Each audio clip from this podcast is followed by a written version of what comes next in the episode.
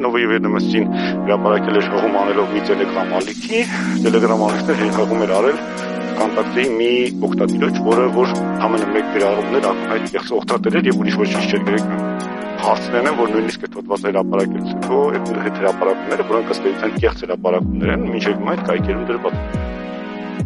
Ես Սեդա Պապոյանն եմ եւ այսօր ուրախ եմ ողջունել մեր հաջորդ հյուրին Գեգամ Վարդանյանին։ Ողջույն Գեգամ։ Ողջույն Սեդա։ Գեգամը մեդիա նախաձեռնությունների կենտրոնի Media.am կայքի խմբագիրն է եւ ենթադրում եմ այսօր շատ հետաքրքիր զրույց ենք ունենալու հենց լրատվամիջոցների հետ աշխատանքի, ապա տեղեկատվության աղբյուրների շուրջ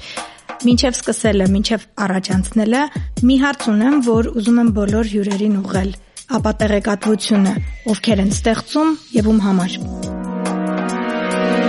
Նայած թե ապատեգատվություն ասելով ինչ ապատեգատվություն նկատի ունենք։ Տերմինը հայերենով ասում ենք ապատեգատվություն, անգլերենով առնվազն երկու տերմին կա, շատ ընդգծված՝ disinformation եւ misinformation disinformation-ը, այսինքն այն դեպքում, երբ որ ապատեգատվությունը ստեղծվում է գիտակցաբար, ուղակի կեղծ տեղեկատվություն է ստեղծում մարդկանց խափելու համար, եւ misinformation-ը, երբ որ ապատեգատվություն է տարածվում ուղակի չիմանալով, սխալմամբ, ինչ որ բան բաց թողելով եւ այլն ում կողմից է ստեղծում ապատեգատվությունը, եթե ընդհանուր ասենք, եթե գիտակցված ապատեգատվության մասին ենք խոսում, ապա ապատեգատվությունը ստեղծվում է ա մարդկանց քաղաքական տնտեսական տեսակետից ապակողնորոշվելու համար իրենց շահերին համապատասխան կամ բ ուղղակի կայքերում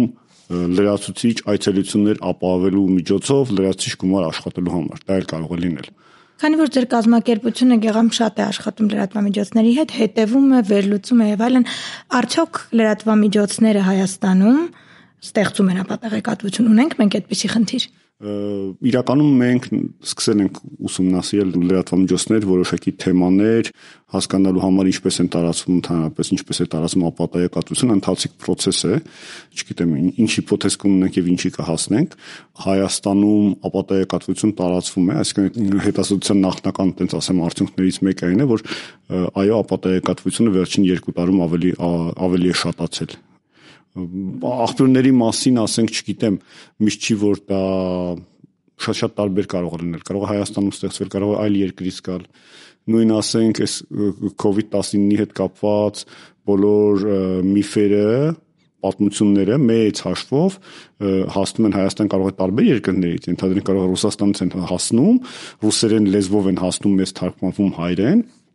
տեսանյութերը որ տարածվում են եւ այլն, բայց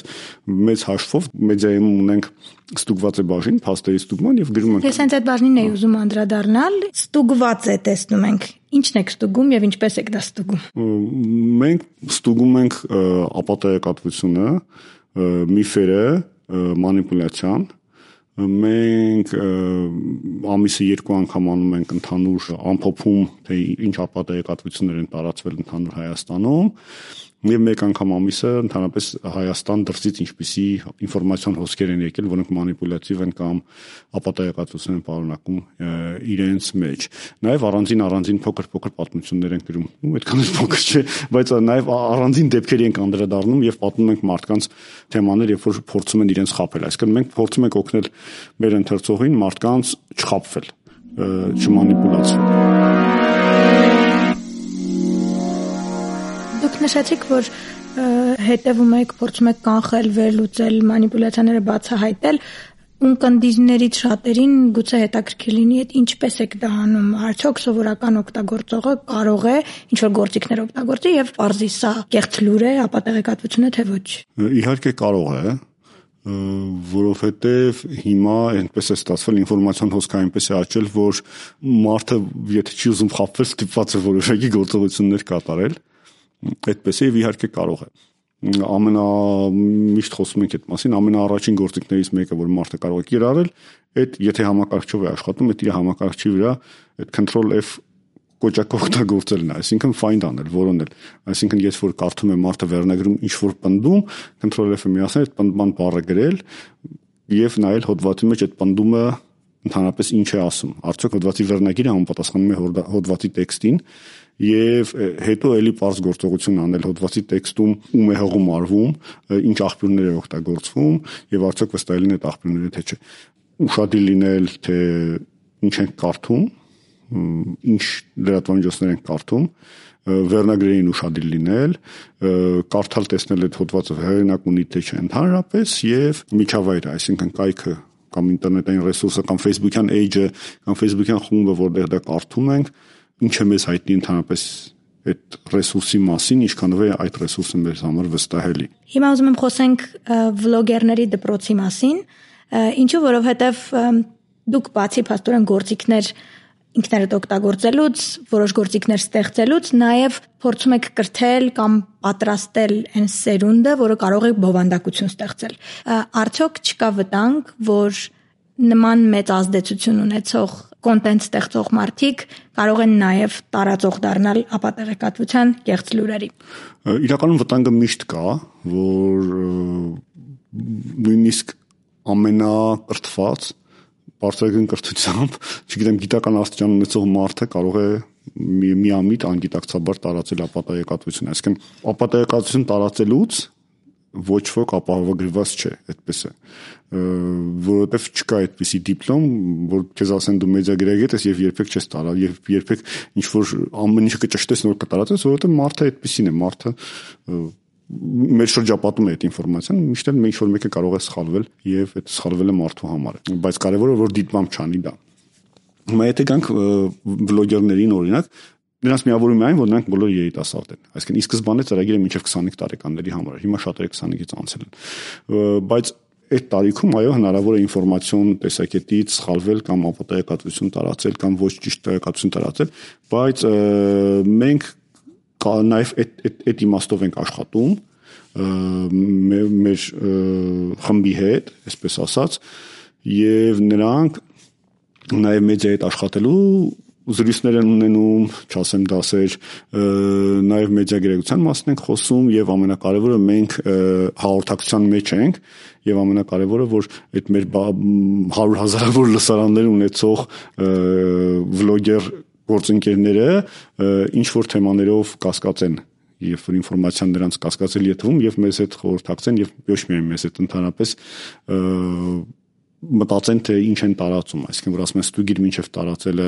մտածիր ինչև շեյրելը, եթե այդ ֆիլտրը աշխատում է մարդու մոտ, այդ վտանգները ավելի փոքրանում են։ Արդյոք օրենսդրական կարգավորումը կարող է նպաստել ապատեղեկատվության հոսքերը կարգավորելու կամ կանխելու գործընթացին։ Օրինակ, բլոգերը միտումնավոր կամ ոչ միտումնավոր տարածում է մի բան, որը հստակ կեղծ լուր է։ Ինքը չգիտի կամ գիտի ինչ որ դրթումներով է անում Արդյոք եթե լիներ որևէ օրենսդրական կարգավորում, որը կպատժեր որոշակի ձևով կեղծ լուրը տարածելուն, լիներ դա միտումնավոր թե անկախ կարգավորման ձևից, արդյոք դա կարող էր նպաստել այս process-ը, այս գործընթացը կանգնեցնելուն։ Կարծում դա ծուղակ կլիներ, կարծում դա ծուղակ է, այդ իմաստով, որ եթե մենք խոսում ենք այն մասին, որ որոշվի թե որն է ապատայեկատվություն, որը ոչ, ապա մենք պետք է հասկանանք թե ովքեր են այսպես ասած դատավորները, ովքեր են որոշելու եւ այդտեղ շատ-շատ վտանգներ են գալիս այսինքն ինչ չափանիշներ են սահմանվում դրա համար, ովքեր են որոշում, ինչպես են որոշում, որը ոնց դասակարգել եւ ի վերջո ինչ անել այդ ամեն ինչի հետ, չգիտեմ, դու կանել քրեական պատասխանատվության ենթարկել ինչ անել։ Այսինքն այդ այդ ճանապարհը կարծում եմ ծուղակ է եւ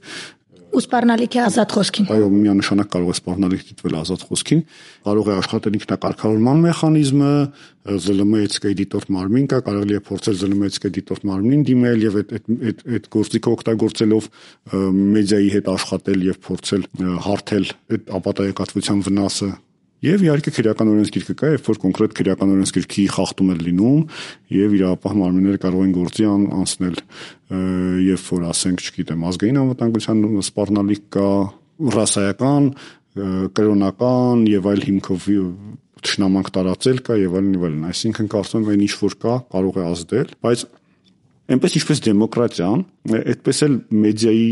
մեդիան կամ ապատեգատվությունը որպես այդպես ինքը ամենօրյա, այսպես ասած, պայքար է, կռիվ է։ Այսինքն մի օր կարող ենք լավ առաջընթաց ունենալ, հետո մի քանի քայլ հետ գնալ, հետո առաջ գնալ, դա այսպես կյանքի անբաժան մաս է։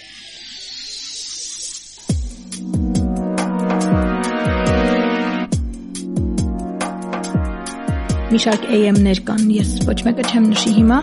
որոնք ուղակի սենսացիոն վերնագրերը ինչ որ նմանատիպ հետաքրքրություն առաջացնող անկախ նրանից ինչ է իրենց ներկայացնում այդ տեղեկատվությունը կամ այդ կտորը տեքստի ուղակի կրկնում են գովազդային քլիքերի հաշվին գումարներ աշխատելու համար բայց օգտագործողներից շատերը բավական մեծ քանակով մարդիկ ուղղակի չգիտեն որ դա լրատվամիջոց էլ չի ինչ որ կրկնող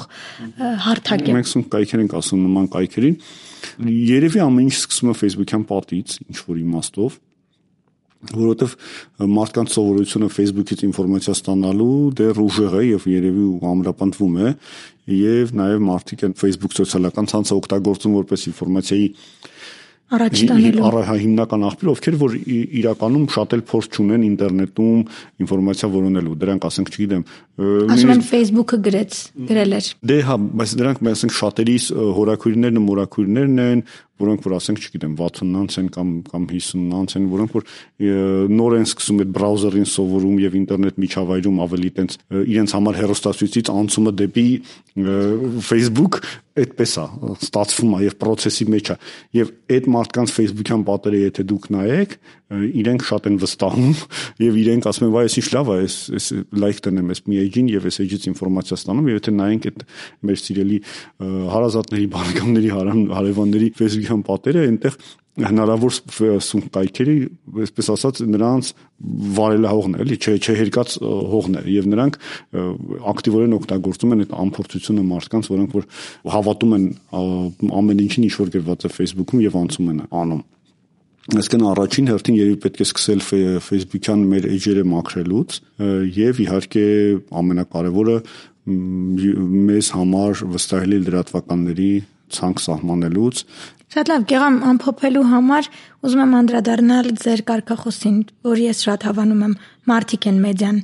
Արդյոք այս կարգախոսը նաև ինչ որ առումով առնչվում է սոցիալական հարթակներին հաշվի առնելով, որ հենց սոցիալական մեդիաների ակտիվացման շրջանը հնարավորություն տվեց մարդկանց դառնալ մեդիա,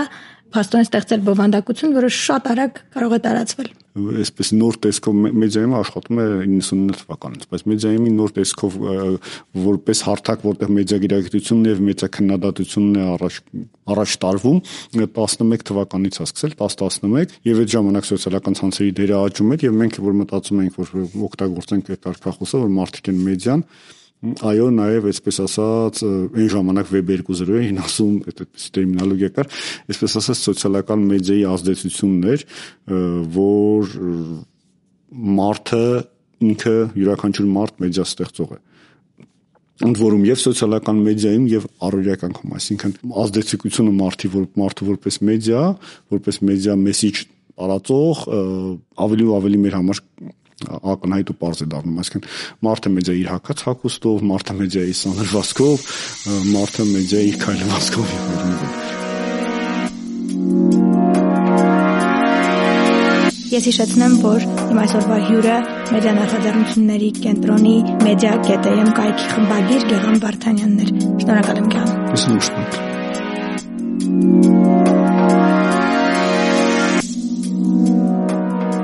Պոդկասթերի աշակն իրականացվում է թվային հաղորդակցության մասնագետների համայնքի DCN-ի կողմից Ֆրիդրիխ Նաումանի հանուն ազատության հիմնադրամի աջակցությամբ։ Հերարցակման բացառիկ իրավունքը ազատություն ռադիոկայանինն է։ Կհանդիպենք մեկ շաբաթից։